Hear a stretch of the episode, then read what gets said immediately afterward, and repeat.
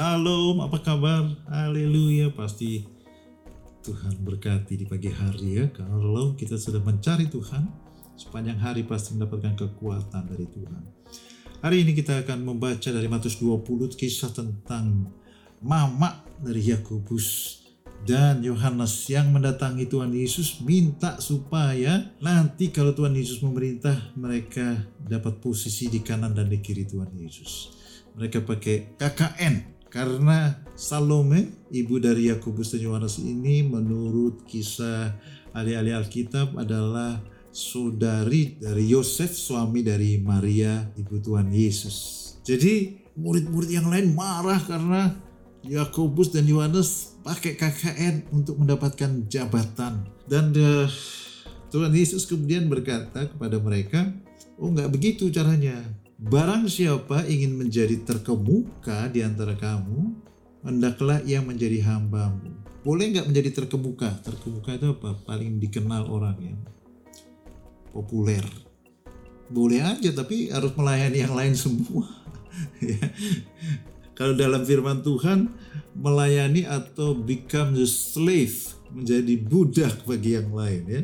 Sama seperti anak manusia datang bukan untuk melayani, melainkan untuk melayani dan untuk memberikan nyawanya menjadi tebusan bagi banyak orang. Jadi mau paling terkenal, paling besar di dalam kerajaan surga boleh saja, tapi harus yang paling merendahkan diri, melayani, paling serius, fokus hidupnya untuk melayani orang lain, melayani Tuhan, silahkan saja ya menjadi pelayan dan hamba slave.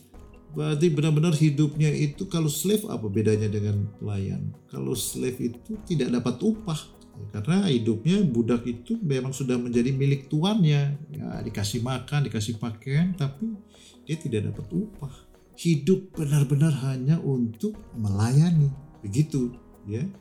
Tapi ditambah lagi ikuti contoh saya. Saya datang itu untuk melayani dan memberikan nyawa.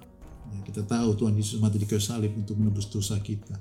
Artinya kalau mau yang terbesar itu beda dengan orang dunia. Kalau orang dunia kalau punya jabatan dia main pakai kekerasan dan tindas yang lain. Tidak begitu di kerajaan surga. Kalau mau yang paling besar, paling terkemuka, dia harus melayani yang lain.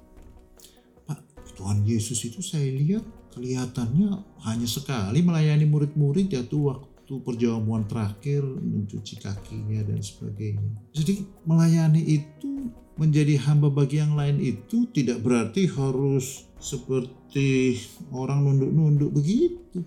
Tapi waktunya, pikirannya, hidupnya benar-benar untuk kebaikan yang lain. Coba Tuhan Yesus bangun lebih pagi daripada yang lain, doakan semua murid-muridnya, ya kan?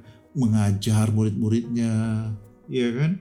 Waktu ke Samaria, murid-muridnya lagi jalan-jalan cari makan, dia masih melayani wanita Samaria dan pergi ke kota Samaria melayani orang-orang di kota itu. Bahkan sampai mati pun ya, di kayu salib ya berikan semuanya. Jadi kalau melayani juga bukan dari menunduk-nunduknya, lalu bersikap seperti itu bukan melayani kalau kita contoh dari Tuhan Yesus melayani itu memberikan waktunya, tenaganya, pikirannya untuk dunia yang perlu diselamatkan itu. Untuk murid-muridnya, untuk mereka yang datang mendengarkan dia. Tuhan Yesus selalu bangun paling pagi, berdoa paling pagi, tidur paling terakhir karena setelah melayani kemudian kita tahu dalam firman Tuhan mencari tempat yang sepi untuk kemudian berdoa lagi. Ya kan? Itu melayani, memberikan seluruh hidupnya. Itulah makanya sebab itu Tuhan Yesus menjadi yang terbesar. Haleluya. Kita serubah cara berpikir kita. Kalau mau melayani bukan menggunakan segala cara untuk membuat orang lain tunduk kepada kita. Tapi dengan memberi contoh, memberikan lebih lagi waktu, tenaga, pikiran untuk orang lain. Itulah namanya orang yang terbesar karena mengikuti contoh Tuhan Yesus. Haleluya. Selamat menjalani hidup ini Tuhan memberkati. Amin.